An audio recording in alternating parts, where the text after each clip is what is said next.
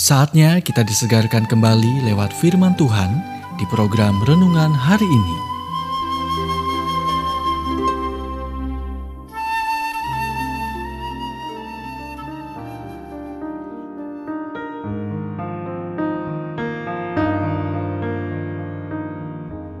Renungan hari ini berjudul "Ketika Anda Tidak Mengerti".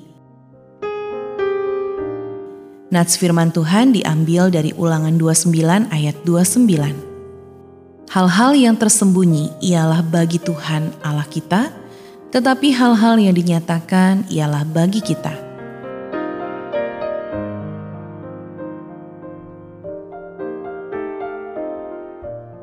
Ketika Anda tidak mengerti apa yang terjadi dalam hidup Anda, mulailah dengan apa yang Anda ketahui dengan pasti, yaitu bahwa Tuhan itu baik sepanjang waktu, dan tetapi kasih setia Tuhan dari selama-lamanya sampai selama-lamanya.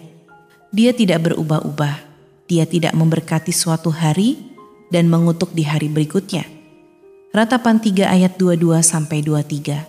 Tak berkesudahan kasih setia Tuhan, tak habis-habisnya rahmatnya, selalu baru tiap pagi. Tapi ada hal-hal yang Tuhan memilih untuk mengungkapkan kepada kita dan hal-hal rahasianya tidak demi kebaikan kita sendiri. Penulis Beth Jones mengatakan, jika Tuhan merahasiakan dari kita, itu adalah untuk keuntungan kita dan keuntungan orang lain. Misalnya, dia tidak berkeliling menyalahkan atau memberitahu orang lain tentang dosa, kelemahan, ketidakpercayaan, kedagingan, keegoisan, atau kesombongan.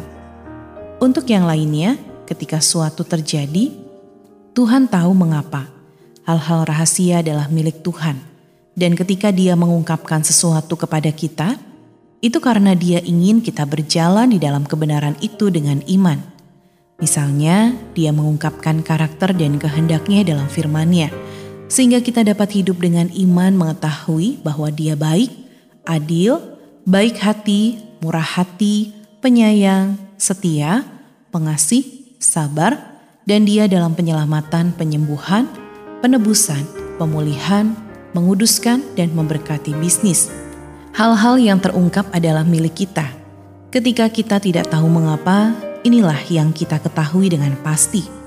Firman Tuhan lebih benar daripada keadaan atau pengalaman kita. Dan hanya karena dia tahu segalanya tentang kita, tidak berarti dia memberitahu kita tentang segalanya. Kita juga tahu bahwa ketika segala sesuatunya terlihat buruk, Tuhan tetap baik.